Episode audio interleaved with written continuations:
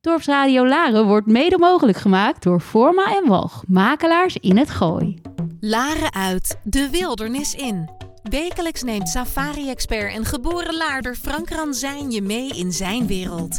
De wereld van ongerepte safarigebieden, de Big Five en de cirkel van het leven. Eten of gegeten worden. Een wereld vol safari-geheimen die hij met jou als luisteraar ontrafelt. Van de mooiste plekken om op safari te gaan tot de regels van de bush. Samen met prominente gasten uit de natuur- en conservationwereld neemt Frank je mee, Laren uit, de wildernis in.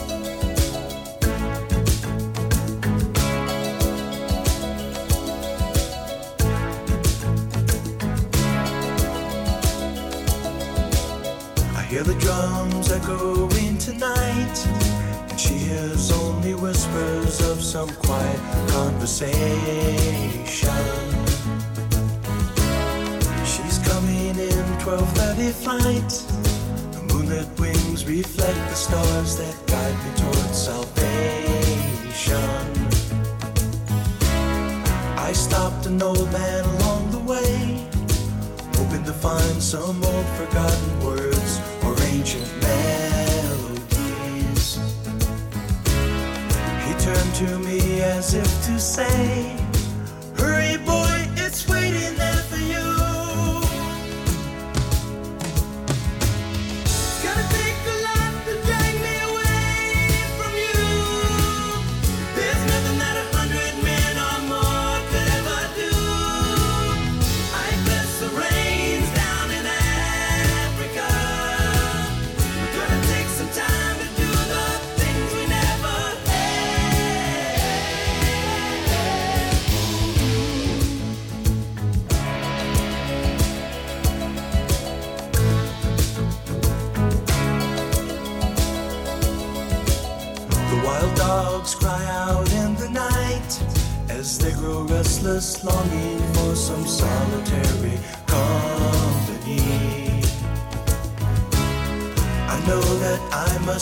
what's right, sure as Kilimanjaro rises like Olympus above the Serengeti.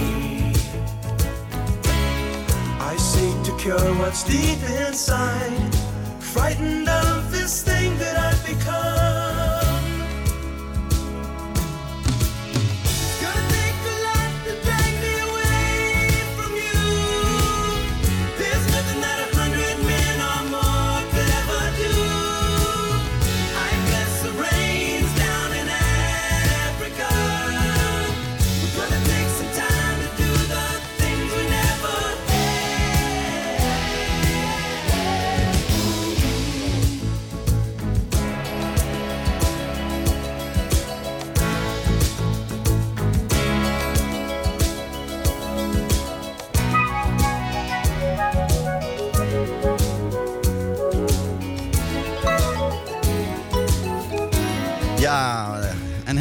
Hele goede middag allemaal bij het programma Safari Geheimen. Hier bij dorpsradiolaren.nl. De zender van het Gooi uit het prachtige Laren Noord-Holland. En de zender die je natuurlijk live kunt beluisteren via de website van dorpsradiolaren.nl of via de gratis app van Dorpsradiolaren. Iedere woensdag maken we een nieuwe aflevering van het infotainment reisprogramma Safari Geheimen. En dit is onderdeel van de travel boutique studio Safari Secrets. De persoonlijke en gespecialiseerde safari-reisontwerper van het Gooi. Safari Secrets probeert mensen warm te maken voor nature conservation travel.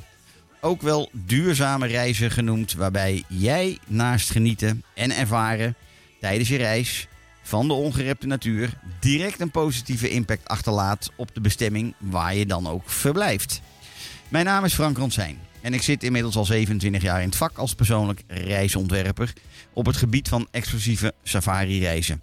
Welke je al dan niet eh, of welke al dan niet gecombineerd kunnen worden met de prachtige eilanden van de Indische Oceaan. Zoals het bekende Mauritius, Seychelles en de Malediven. Ofwel de wat kleinere eilanden voor de kust van Afrika. Ik hoop iedere week weer toekomstige Afrika-reizigers te voorzien van tips en informatie. En natuurlijk de o zo belangrijke safari-geheimen. Die je volgens mij niet zou mogen missen wanneer je niet in het drukke en platgetreden Afrika terecht wil komen. Nou, ik hoop dan ook door dit uurtje infotainment de luisteraars op een bepaald spoor te zetten voor hun eventuele toekomstige reisplannen. En mee te mogen denken bij het plannen van deze safari of natuurreis. Laten we kijken of ik je aan het eh, beroemde Afrika-virus kan helpen. Nou, hoe zit dat dan voor mij persoonlijk? Voor mij persoonlijk werkt het zo dat ik het liefst ieder jaar een bepaalde hoeveelheid olifanten en leeuwen om mij heen moet hebben, zoals ik dat altijd zeg. Mijn dosis wildlife, zoals ik het ook wel noem. En het lopen, varen of rijden in een natuurgebied vol sporen, geluiden of geuren. Maar ook de signalen die je vertellen wat er allemaal aan de hand is in de omgeving. En het onbekende wat zich achter iedere boom of struik weer verbergt. Het maakt mij gewoonweg een gelukkiger persoon als ik dit eens in de zoveel tijd weer even over me heen kan laten eh, komen, dan wel kan ervaren en meemaken.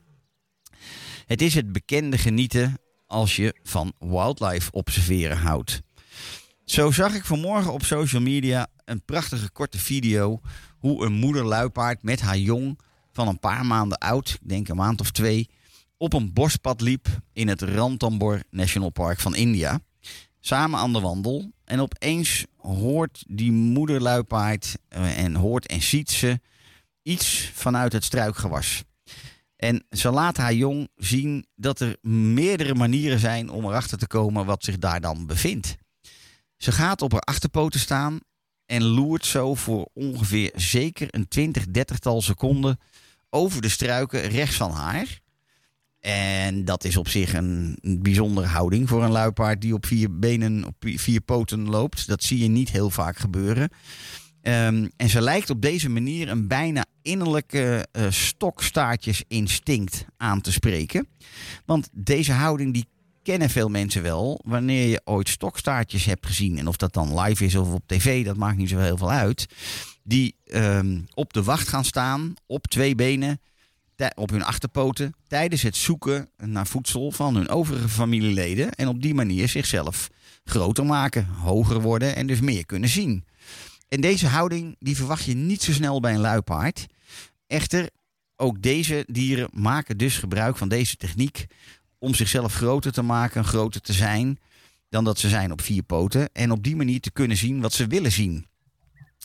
En ja, het was een prachtig filmpje. Persoonlijk zag ik ooit in het Sabi Sense Game Reserve van Zuid-Afrika twee luipaarden die elkaar per ongeluk tegenkwamen tijdens het vroege, de, de vroege ochtendgloren. Hè? Dus ik het, het begint van duisternis heel langzaam licht te worden. En ehm, daar troffen deze twee luipaarden elkaar van in eerste instantie natuurlijk een wat grotere afstand. En ook hier vertoonde een van de luipaarden hetzelfde gedrag en stond op haar achterpoten om haar soortgenoot van ver af te kunnen zien en ja, te kunnen kijken wat, wat komt daaraan, wat is dat?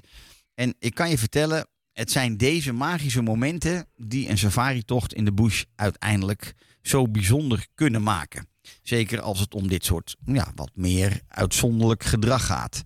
Want ik kan je verzekeren, een luipaard staat zeker niet de hele dag op zijn achterste benen.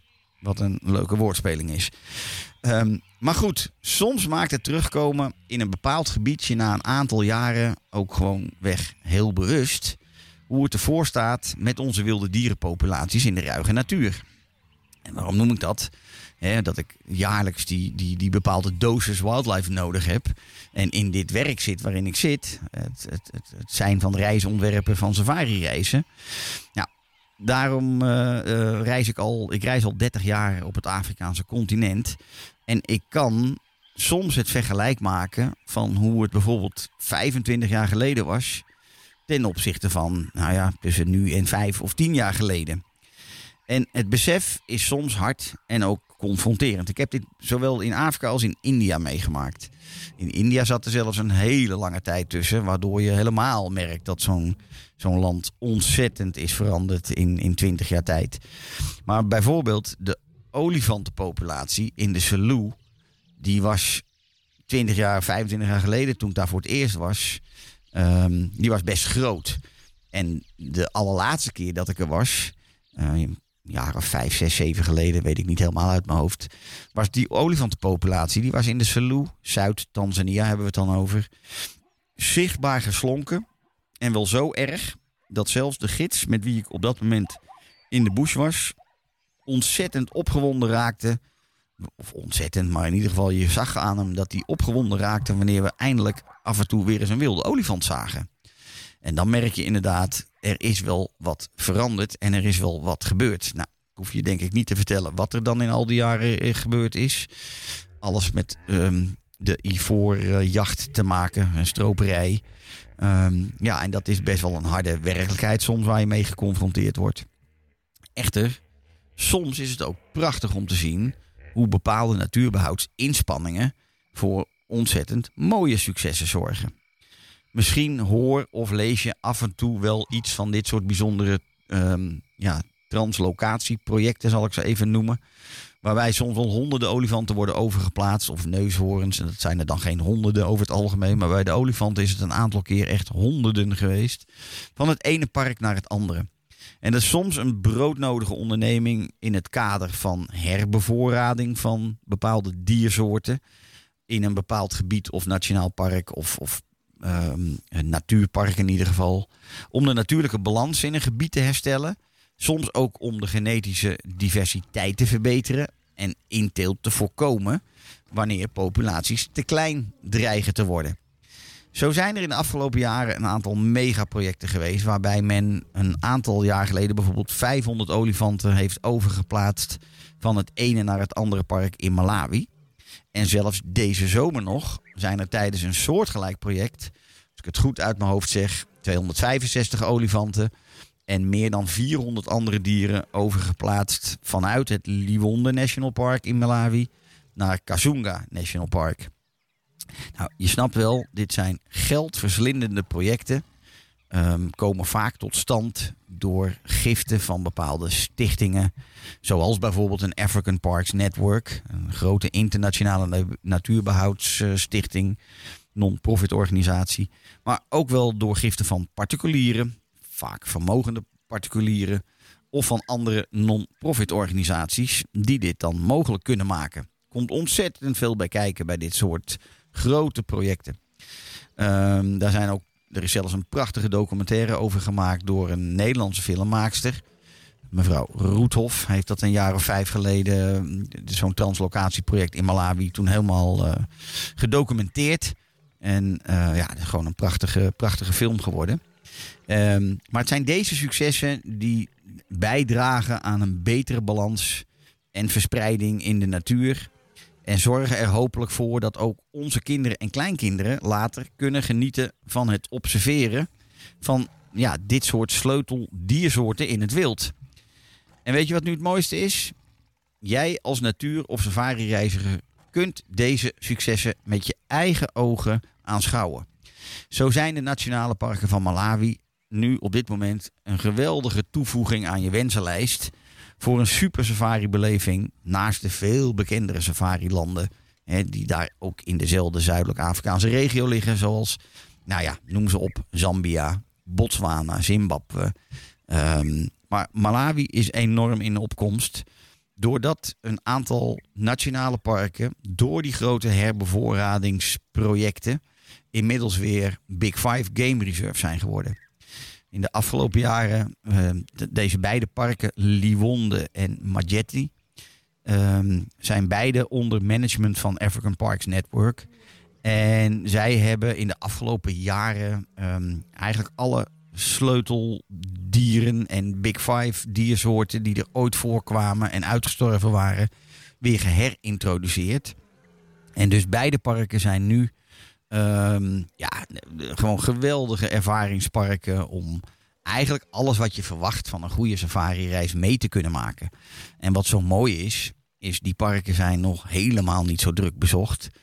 Ehm, eh, nou, er zijn, ik weet, ik weet niet exacte aantallen, maar in beide parken zijn een aantal wat hoogwaardigere eh, accommodaties en een aantal wat eenvoudigere accommodaties. Maar je kunt daar gewoon op safari gaan en ehm, misschien wel ehm, meerdere dagen geen enkel ander voertuig tegenkomen. Anders dan misschien nog een voertuig of meerdere voertuigen uit de lodge. Met medegasten uit diezelfde lodge waar jij ook verblijft. Hier kun je Afrika nog geheel voor jezelf hebben. En zoals ik het altijd noem, kun je Afrika ervaren zoals het bedoeld is. Ik zeg, we doen een klein stukje muziek en gaan het daarna hebben over de historie van Safari Afrika.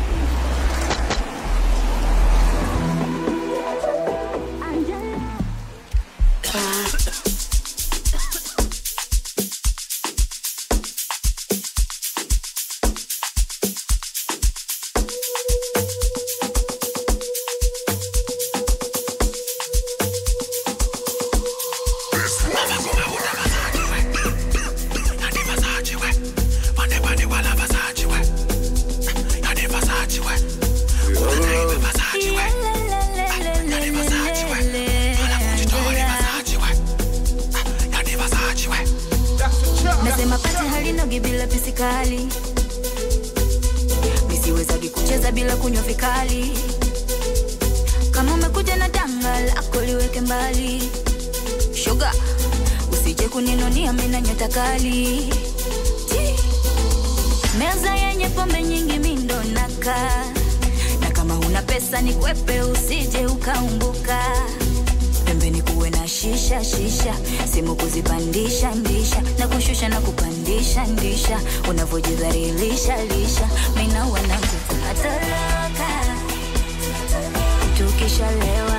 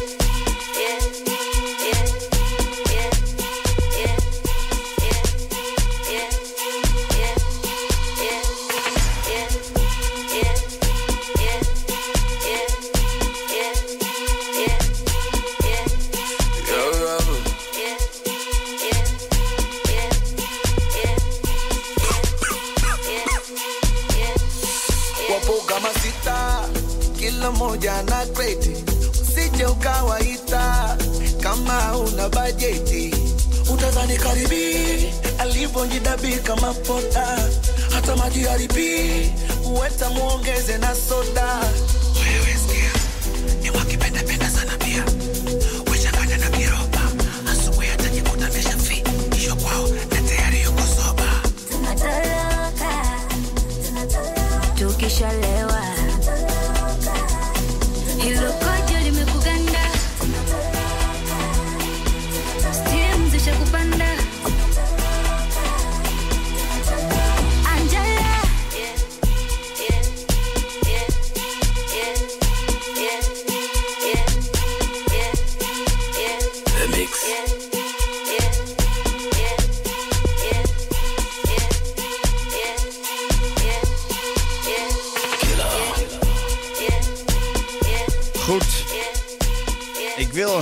stukje historie vandaag doen.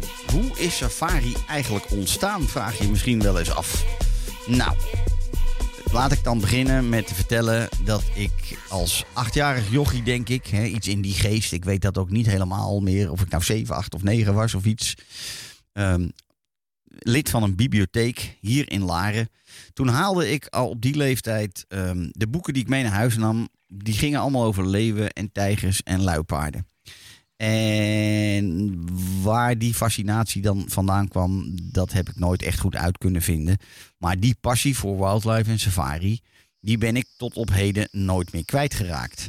Dus mijn, ehm, ja, mijn echte passie, als ik ook op safari ben, Het is inmiddels veel meer geworden dan dat. Maar ik, ja, ik ben nog steeds een enorme grote kattenliefhebber. En dan niet zozeer alleen maar in het zien van die katten, maar ook vooral om, ja, ehm, hoe zeg je dat? Hun manier van, ehm, van leven te observeren. Hun, ehm, eh, ja, hun, hun, hun gewoontes. Te zien hoe, een kat op jacht gaat. Maar ook soms om te zien hoe een kat helemaal niks doet als hij gegeten heeft. Eh, en alles wat daarbij komt kijken. Hoe die met jongen omgaat. Er is niks moois om te zien hoe een moeder cheetah haar welpen leert om een prooi te vangen. Dat is echt cheetah school. Eh, en om daar maar heel even dan toch, kan ik best een klein beetje op doorgaan. Een moeder cheetah die zal over het algemeen als ze haar jongen eh, naar het punt moet brengen dat ze zelf moeten gaan jagen. Dan zal ze soms proberen een kleine, kleine antiloop of in ieder geval een kleine prooi te vangen, maar op dat moment niet te doden. En die bij haar jongen te brengen, ehm, zodat ze die kan stimuleren om ehm, die prooi eigenlijk weer even los te laten en haar jongen diezelfde prooi weer te laten vangen. Ja, dat is een fascinerend iets om eh, te zien. En meestal zie je dat soort dingen eigenlijk alleen maar op film. Maar er is niets mooiers als je ooit het geluk hebt om zoiets ook zelf te mogen aanschouwen. En daar heb je ontstellend veel geluk voor nodig. Deze situatie heb ik ook zelf niet echt live gezien. Ehm, voor zover ik me echt kan herinneren. Nee, dat heb ik niet. Dus dit ken ik wel bijvoorbeeld uit film of documentaires of, of gewoon natuurfilms. Ehm, maar goed, soms maak je iets mee waarvan je achteraf merkt of weet of hoort hoe bijzonder dat eigenlijk is dat je of je dat hebt mee mogen maken. En dat gebeurt vaak ook met be- bepaalde interactie tussen bepaalde diersoorten.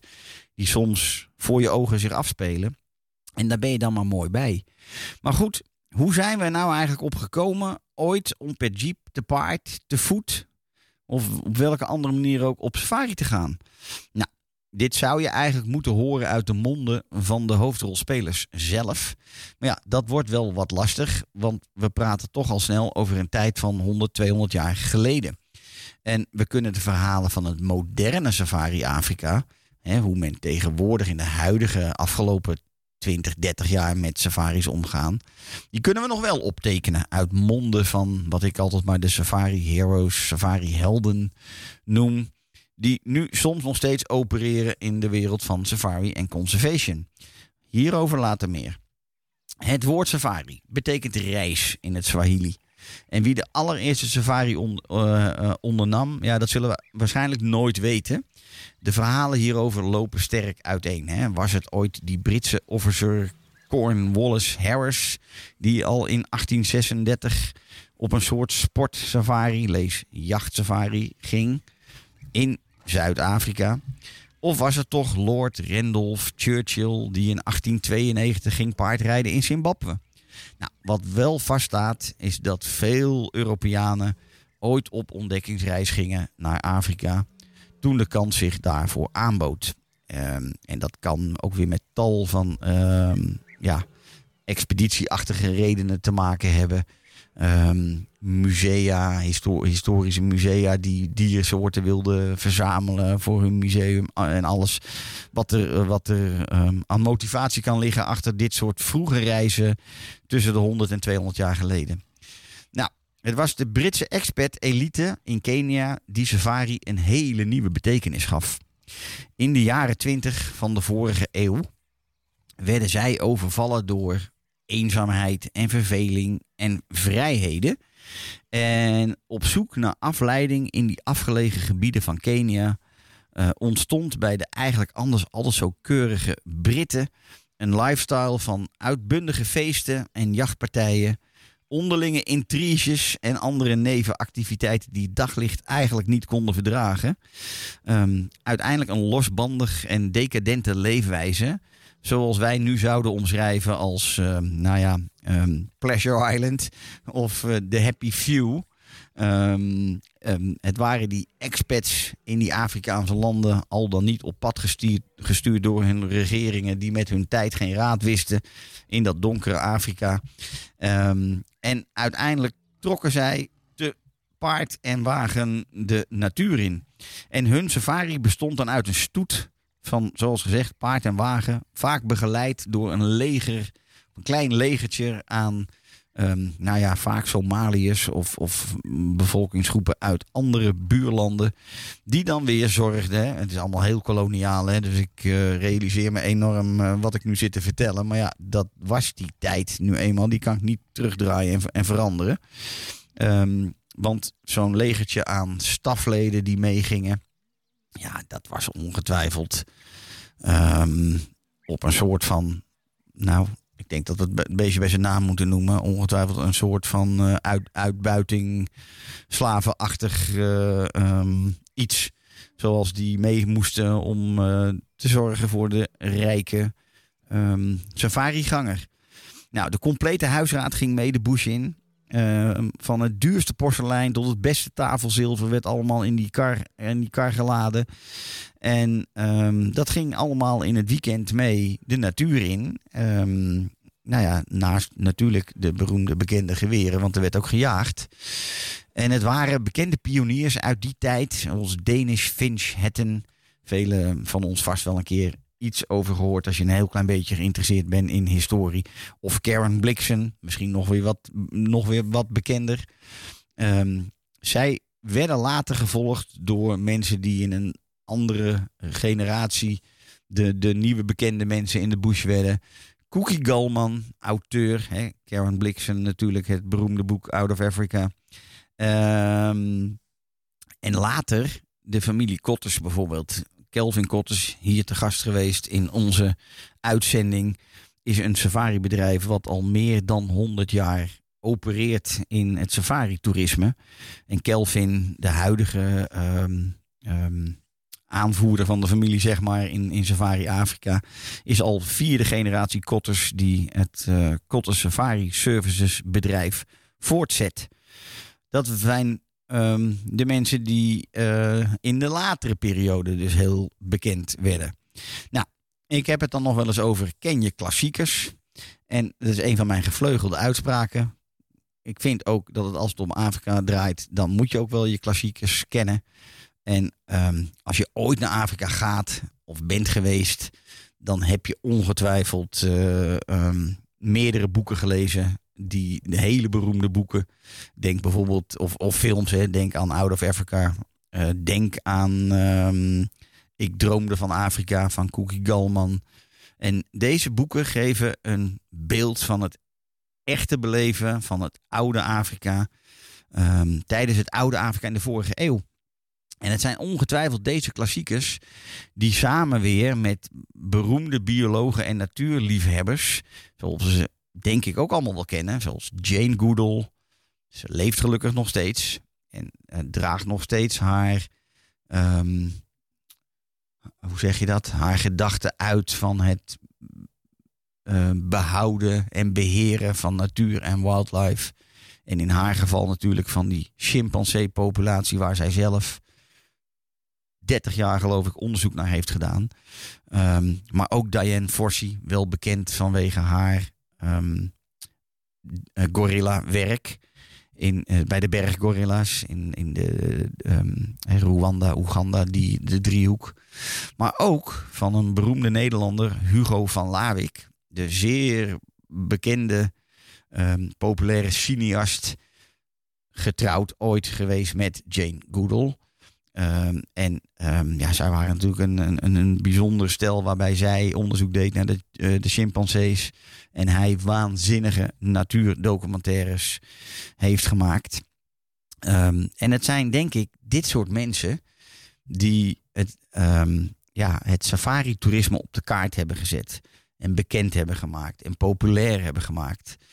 Maar misschien is het ook wel leuk om een nieuwe kleine klassieker toe te mogen voegen aan dit arsenaal aan bijzondere boeken of bijzondere mensen die eh, gestalte hebben gegeven aan het begrip safari. Nou, ik zou je willen voorstellen, lees dan bijvoorbeeld eens het boek van Martine van Zeil Langhout. Dat boek heet Overleven in het wild. Ze is daar eh, best in korte tijd bekend mee geworden. Eh, het is al weet ik veel hoeveel keer herdrukt. Zeer populair boek voor diegenen die van of natuur en wildlife en het leven in de bush en tussen het wildlife houden. Ehm, ontzettend snel een populair boek geworden. Martine is een, ehm, een wildlife vet of een dierenarts in de bush, als je het een beetje eh, naar, naar het Nederlands vertaalt. En tevens is zij eh, nu nog steeds werkzaam als dierenarts bij Artis.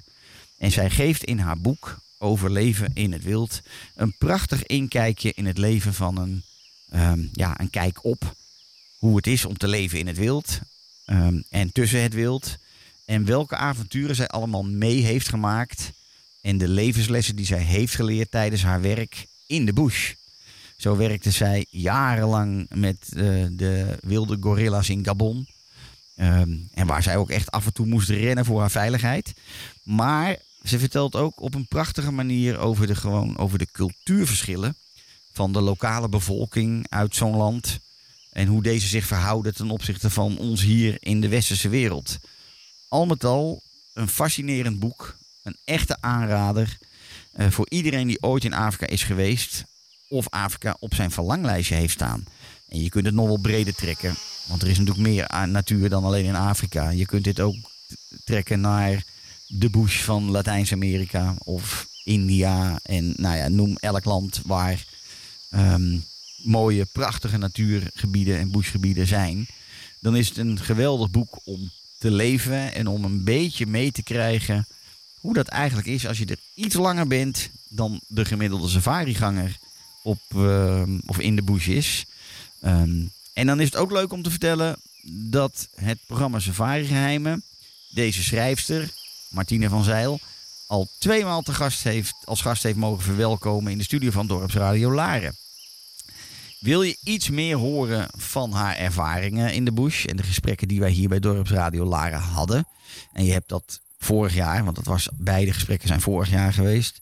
Je hebt dat toen niet gehoord. Dan zou ik je willen vragen, luister dan nog eens naar aflevering nummer 21 en aflevering nummer 27 van de podcastserie Mijn Afrika, Mijn Wildlife. En die kun je weer vinden op Spotify, Google, Apple Podcast of gewoon via de website van safarisecrets.nl. Daar staan alle podcastafleveringen, eh, um, ook van alle uitzendingen die we hier maken als podcastserie. Um, en op die manier kun je Martine horen vertellen over ehm, ja, haar ervaringen. Zo is ze ook eh, een keertje te gast geweest bij Umberto Tan volgens mij. En nou, ze heeft in meerdere, meerdere tv-programma's haar opwachting gemaakt. Ehm, tegenwoordig geeft ze ook ehm, ehm, trainingen en cursussen over leiderschap. Leiderschapstrainingen noem ik het nu maar even. Ik zeg het misschien niet helemaal goed, maar dat doet ze ook in de bush van Botswana. Een intrigerende dame met, een, eh, ja, met waanzinnig mooie en prachtige verhalen. Goed, dan wat safari-verhalen uit eerste hand. Ehm, hoe mooi is het om de verhalen uit deze klassiekers eigenlijk rechtstreeks uit de mond te horen van de hoofdrolspelers zelf. Of de nazaten van deze safari-families. Nou, zoals ik je zojuist al vertelde, zij zijn nog altijd actief in de bush. Of een aantal daarvan dan. En zij vertellen graag hun ervaringen van vroeger. Zo dineerde ik ooit zelf in een bekende lodge van Kenia, Ol Malo, op het Laikipia-plateau in Noord-Kenia, met de boerderijmanager van Cookie Galman. En Cookie Galman, de auteur ehm, van ehm, een heel be- bekend en beroemd boek. Ehm, en haar boerderijmanager, want in die tijd waren de safariparken vaak nog werkende boerderijen. Dat is trouwens in sommige gevallen nog steeds zo. Werkende boerderijen tussen het wild. in samenwerking met de lokale bevolking. Samburu, Maasai, Pokot, et cetera. Ehm, en de boerderijmanager Colin Frenkomp met ehm, Rocky en Colin Frenkomp, de, de, de twee eigenaren van Ol Malo, die waren toen ook nog gewoon ehm, hands-on day-to-day manager van de lodge toen ik daar een keer te gast was. En die avond waren we volgens mij ook zelfs nog de enige gast. Dus we din- dineerden samen met hun in een lodge met sowieso een waanzinnig uitzicht over de, de bush van Laikipia.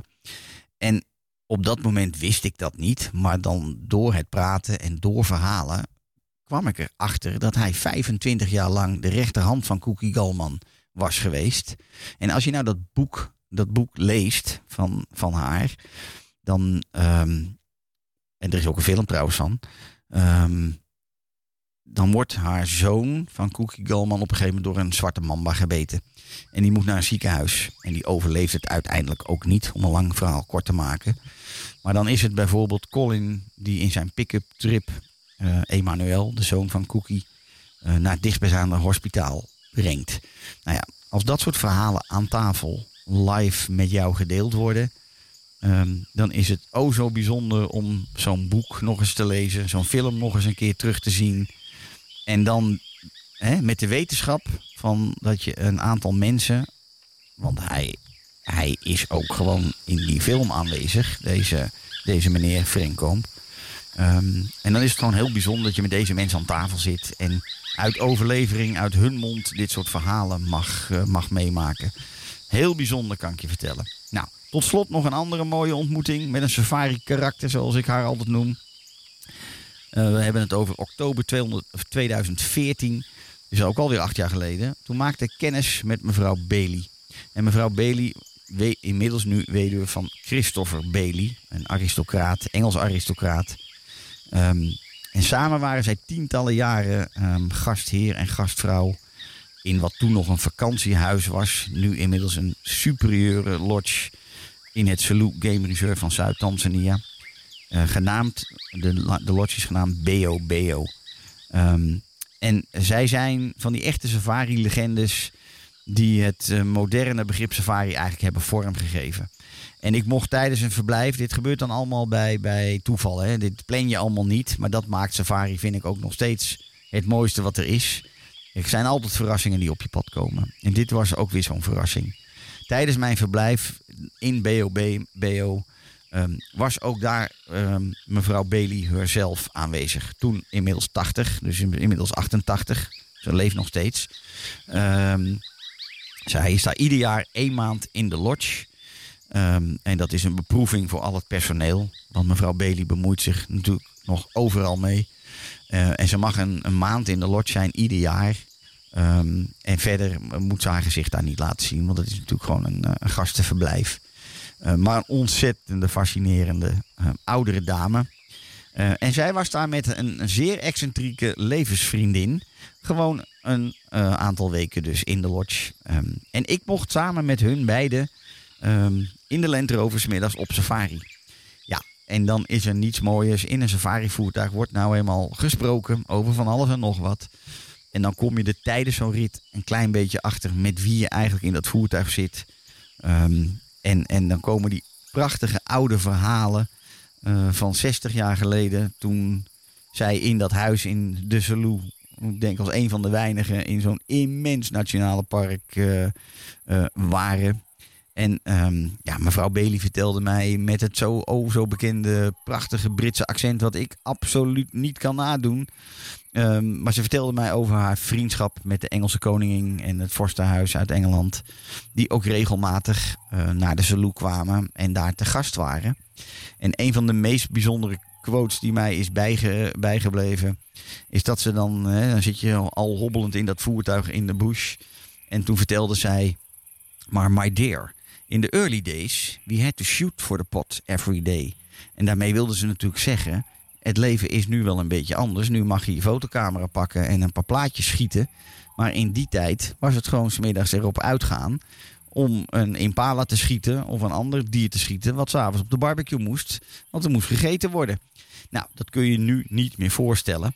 Ehm, en het geeft ook eens te meer aan dat het begrip safari sinds die tijd enorm is veranderd. Ehm, en waarom mij dit nu na eh, 30 jaar reizen in Afrika nog steeds niet verveelt. Goed, nou, dan tijdens ehm, ons wekelijkse programma wat we hier maken, probeer ik de luisteraars natuurlijk ook te inspireren en ideeën te geven waar naartoe te reizen en welke keuzes er zijn om de voor jou meest gewenste safari-reis eh, van te maken. En we doen dit wekelijks aan de hand van interviews met gasten eh, van ja, wat ik altijd weer mijn safari-helden noem uit de wereld van safari en cons- en conservation. Ehm, en dat kan zijn uit Afrika en India. Daarnaast probeer ik je enthousiast te maken voor het plannen van een safari-reis door middel van dit soort solo-afleveringen, zoals ik hem nu ook aan het maken ben. Ehm, en hierin probeer ik je dan mijn kijk op het fenomeen safari te geven. Ehm, en, en hoe een safari. En hoe dit vorm te geven. En, in een tijd van discussie over CO2-uitstoot en opwarmende aarde. ehm, en toch, toch heb ik van bekende natuurbehoudgoeroes uit Afrika al lang geleden geleerd. dat het o zo belangrijk blijft om deze fragiele natuurgebieden te blijven bezoeken. De toeristengelden die jij als safari-gast en reiziger namelijk binnenbrengt, zorgen naast het zeer ehm, eh, noodzakelijke natuur- en wildlife behoud eh, ook voor ontzettend veel banen bij de lokale bevolkingsgroepen. En het zijn juist zij die vaak compleet rusten geheel op deze inkomsten vanuit toerisme. Het zorgt daarnaast ook voor bewustzijn en bewustwording bij de lokale bevolking. En het remt de noodzaak tot stropen of andere activiteiten die de natuur nou eenmaal enorm schaden als wij als toerist er niet zijn. Daar hebben we eh, niet zo lang geleden een enorm voorbeeld van gehad. Want we hebben een jaar of twee door corona ontzettend veel ehm, niet gereisd of veel minder gereisd. Ehm, toerisme is in stand gehouden op allerlei manieren. Daar kunnen we het ook nog een keer over hebben, maar dat doen we niet vandaag. Ehm, eigenlijk heeft het lokale toerisme de meeste safari-landen en safari-operators ja, in leven weten te houden. Hè, waardoor in ieder geval al het personeel in dienst kon blijven. En er in ieder geval sociale controle bleef in die parken. eh, om dat stropen maar eh, niet nog weer erger te maken. Doordat er opeens geen toeristen meer waren. Maar zonder te reizen naar deze gebieden zullen ontzettend veel natuurgebieden het niet overleven in de nabije 30 tot 50 jaar. En daarom is jouw bezoek aan welk ongerept natuurpark dan ook, mits bewust gekozen, hè, welke parken of plekken dat dan ook zijn, zorgt voor een directe positieve impact die jij als reiziger nou eenmaal achterlaat. Ehm, een steeds groter worden, of een steeds groter deel van reissommen die je als gast en reiziger betaalt voor het mogen ervaren van, van bepaalde wildgebieden, vloeit terug in het park. En vloeit terug naar de lokale communities die hier vaak wonen aan de randen van die nationale parken. Nou, wil je hier nou meer over weten, dan lijkt het me goed eens te praten. En ik kan uren volkletsen over de voor- en nadelen van Nature Conservation Travel. En Rob, onze technicus, die schudt zijn hoofd. Dus die weet dat dat waar is. Ja, dat klopt. Hier kan ik inderdaad uren over praten. Maar waarom ook? Het is gewoon oh zo belangrijk om dit voor onze kinderen en kleinkinderen in stand te houden. Nou, de bestemmingen of plekken waarover ik met mijn gasten praat, zijn doorgaans ook best wel bekende plekken of ehm, bekende mensen in de safari-wereld dan. Vanwege hun lange bestaan en het fantastische werk wat zij op, op de plekken waar zij wonen ehm, hebben gedaan. En waar zij hun hele levenswerk van hebben gemaakt om deze gebieden in stand te houden. En vaak is de drijfveer voor deze mensen heel simpel. Ehm, zij willen en delen wat zij dagelijks zelf ervaren. Hè, ons als reiziger laten ervaren wat zij dag en nacht ervaren. En dat kan ook in, naast positieve zin, ook wel eens in de negatieve zin zijn. Want ook dat maak je mee. Ehm, ik heb ook wel eens naast een gestroopte olifant gestaan. En dan krijg je het verhaal wat daarachter zit. Maar dat hoort ook bij het op safari zijn. Ehm, en dan hoor je het verhaal achter wat men allemaal doet om dat te voorkomen, et cetera, et cetera. Het is niet allemaal roze geur en maneschijn, maar het maakt ons hopelijk bewust van ehm, ja, de, de fra- fragiele situatie waarin we met z'n allen nou eenmaal leven. Ehm, goed, twee weken geleden heb ik het gehad over scenario's, zoals ik ze noem, die ik vaak hoor van klanten. Vaak de motivatie waarom een klant op safari wil. En toen had ik er een aantal eh, ehm, bedacht. Maar door tijdgebrek, zoals ook nu weer natuurlijk. Door tijdgebrek had ik er een aantal niet gedaan. En het leek me toch nog even leuk om eh, er daar in ieder geval twee van eh, zo direct te vertellen. Maar niet voordat we nog een heerlijke Afrikaanse beat de eter in slingeren.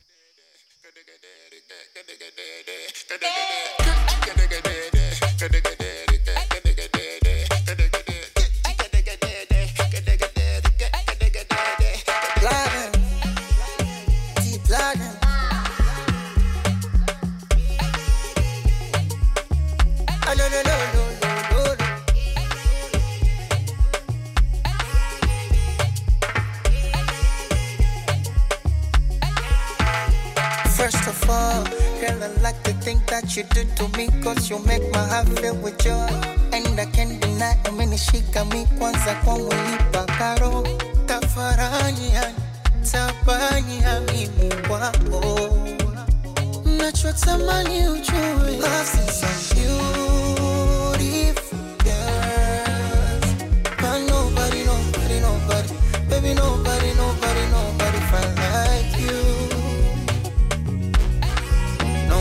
Nobody like you.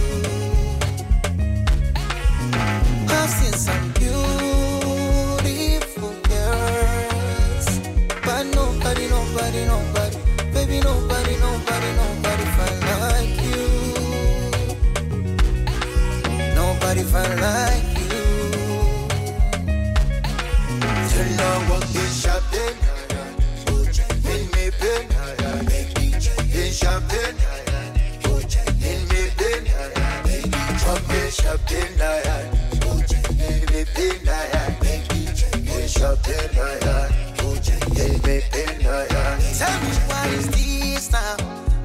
feel so sweet now?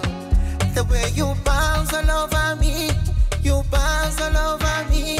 Oh, oh, oh. Hey, wanasubiri kuachika wambe sisi bado, sisi bado, oh, babe. I hope you dirty sooner. The way I dirty so you. Mambo ya kuchiti ya kusina. Zoals zojuist gezegd, twee weken geleden een aantal scenario's die ik vaak hoor en waar ik er een aantal toen niet heb kunnen eh, benoemen. Nou, dat wilde ik toch even proberen vandaag nog te doen. Kijken of we dat op een leuke manier in de resterende tijd nog eh, iets over kunnen vertellen. En een van die scenario's is, je wil het niet weten, maar hoe vaak ik dat heb moeten horen in die eh, afgelopen 7, 28 jaar. Ehm, dat ik in het vak van eh, safari reisontwerpen zit. Hoog op het verlanglijstje staat voor mij het zien van een luipaard. Nou, slash olifant, want die komt net zo vaak voor. Maar laten we het even bij het luipaard houden. Waar moet ik dan heen? Het is een prachtige vraag. Ehm, en er is zoals altijd ehm, één belangrijk ding om als eerste te vermelden. Je kunt hem niet op bestelling zien. Ja, in de dierentuin. Ehm, of in een wildpark waarvan ik dan zou denken dat mag de naam wildpark niet hebben. Daar kan het ook. Maar hebben we het over echte, goede safarigebieden. ehm, dan is het best, best eh, een soort van geluk hebben om zo'n luipaard zo ook te zien. Maar er zijn wel plekken, ik ga de spanning niet zo extreem opbouwen. Er zijn wel plekken waar de kans wel heel groot is. Ehm, en dan zijn er een tweetal plekken die er echt uitspringen, waar de kans gewoon, denk ik, zeker op dit moment het meest groot is. Dat is, er zijn twee parken in, in, in Zambia, South Luangwa en het Lower Zambezi National Park. Waarbij South Luangwa niet voor niets de naam Valley of- the Leopards heeft meegekregen. En volgens onderzoeken zou de hoogste luipaarddichtheid dan ook daar zijn in South Luangwa National Park. Prachtig, prachtig, prachtig wildgebied. Met de grote levensader, de Luangwa rivier, die dwars door dat park heen stroomt. Echt in het midden van dat park eigenlijk. En ehm, ga je daar dan ook nog heen in de goede tijd? Want ook daar ben ik meerdere keren geweest. En ik ben er wel eens in mei, juni geweest. Nou, dan moet je echt wel geluk hebben voor een luipaard. Maar ga er nu heen. Eind september, oktober. Ja, dat is ehm, de kans dat je dan niet thuis komt. Dan moet je er wel een paar dagen verblijven. De kans dat je dan niet thuis komt en er ehm, misschien wel vijf of tien hebt gezien. Ja, dat. dat ehm, en dan heb ik het over niet zien op drie, vier, vijf, 600 meter. Dan heb ik het over zien zoals luipaarden in Zoutlang maar te zien zijn. Vaak heel relaxed. Vaak gewoon kruisend voor of achter je voertuig langs. Soms langs je voertuig lopend. Soms je voertuig ook gebruiken bij het jagen. Wat ze daar, eh, wat bepaalde luipaarden daar aardig ontwikkeld hebben om het voertuig als soort van, ehm, hoe zeg je dat? Ehm, schuil, schuilplek. Ehm ambushplek. Verrassingseffecten gebruiken bij het jagen op een prooi. Ehm, liggend in de beroemde houding in een, in een boom, op een boomstronk. Met eh, vier poten hangend zo aan, aan beide zijdes van die boomstronk. Ehm, dan denk ik dat Zuid-Luangwa een van de allerbeste plekken is in Afrika. Waar je een redelijke hoge kans van slagen hebt op het zien van een luipaarden. En bij de ene is het het zien, bij de andere is het het vastleggen. Hè, die wil dat op de beroemde plaat vastleggen. Ehm, ik ben meer iemand van het met mijn ogen vastleggen en het vervolgens in mijn brein opslaan. Ehm, en ik heb er wel eens vaker over verteld. Eh, ehm, net zo goed als dat ik een extreem bijzondere wildlife sighting in India had met een, tijgerin waar, waar we ongeveer 2,5, 3 uur bij konden blijven als enige voertuig. Heb ik zo'nzelfde scenario ook ooit in, in Zambia meegemaakt, in Zuid-Luangwa. Dat we bij een female luipaard en vrouwtjes luipaard vanaf nog prachtig zonlicht rond klok van 4, 5 uur tot s'avonds 8 uur bij één en hetzelfde luipaard ben gebleven. Ja, dat zijn de ervaringen die misschien de, de, de passie en die de hunkering naar die, die bepaalde dosis wildlife die ik ieder jaar nodig heb alleen maar groter hebben gemaakt. Als je dat soort dingen ooit hebt mogen meemaken, dan, ehm, ja, dan ben je verkocht. Dan heb je dat beroemde Afrika virus, denk ik, te pakken. Ehm, we hebben niet veel tijd meer. Dus ik weet niet of het hand. Nee, ik denk niet dat het handig is dat ik mijn volgende scenario eh, nu ook nog mee ga nemen. Maar uiteindelijk komt dat er wel op neer waar heel Safari Secrets om draait. Hè, ik wil op safari. Ik wil kleinschalig. Ik wil zo min mogelijk andere toeristen en voertuigen tegenkomen. En oh, oh, oh, wat is dat een heerlijke vraag. Want dat zit boordevol safari geheimen waar dit allemaal kan. Daar moeten we denk ik dan een volgende week of een andere aflevering maar eens over hebben. Onthoud dat location is the new luxury. Dus de locatie is echt het nieuwe luxe. Het zit hem niet altijd in de werkelijke materiële luxe. Deze vraag kreeg ik een uur geleden nog toen ik bij iemand aan tafel zat. En die zei: Ja, wij willen ook op safari, maar we willen vooral niemand tegenkomen en vooral alleen zijn. Nou, dan is, deze, dan is dit het juiste scenario. En geef maar weer aan hoe vaak dat voorkomt. Goed, ik wil jullie bedanken voor vandaag. Ik hoop dat het een eh, informatieve, leuke uitzending is geworden. Ehm, volgende week zijn we er gewoon weer. Eh, al dan niet met een gast. Dat is nog niet helemaal duidelijk. En ehm, wil je nu eh, verder praten over het plannen van een safari-reis, dan kun je me natuurlijk een e-mail sturen naar info@safarisecrets.nl. Maar je kunt ook gewoon bellen of appen naar 06 24 732 882. Natuurlijk help ik je graag verder bij het plannen van jouw onvergetelijke safari-reis, jouw droomreis, jouw jubileumreis naar of Safari Afrika of Safari India. Ehm, dat was het denk ik voor vandaag. Als je de podcast eh, wil eh, luisteren, dan ehm, zou ik zeggen abonneer je op de podcast. Dan krijg je wekelijks een mooie melding wanneer die live komt. Fijne avond, tot ziens, tot volgende week.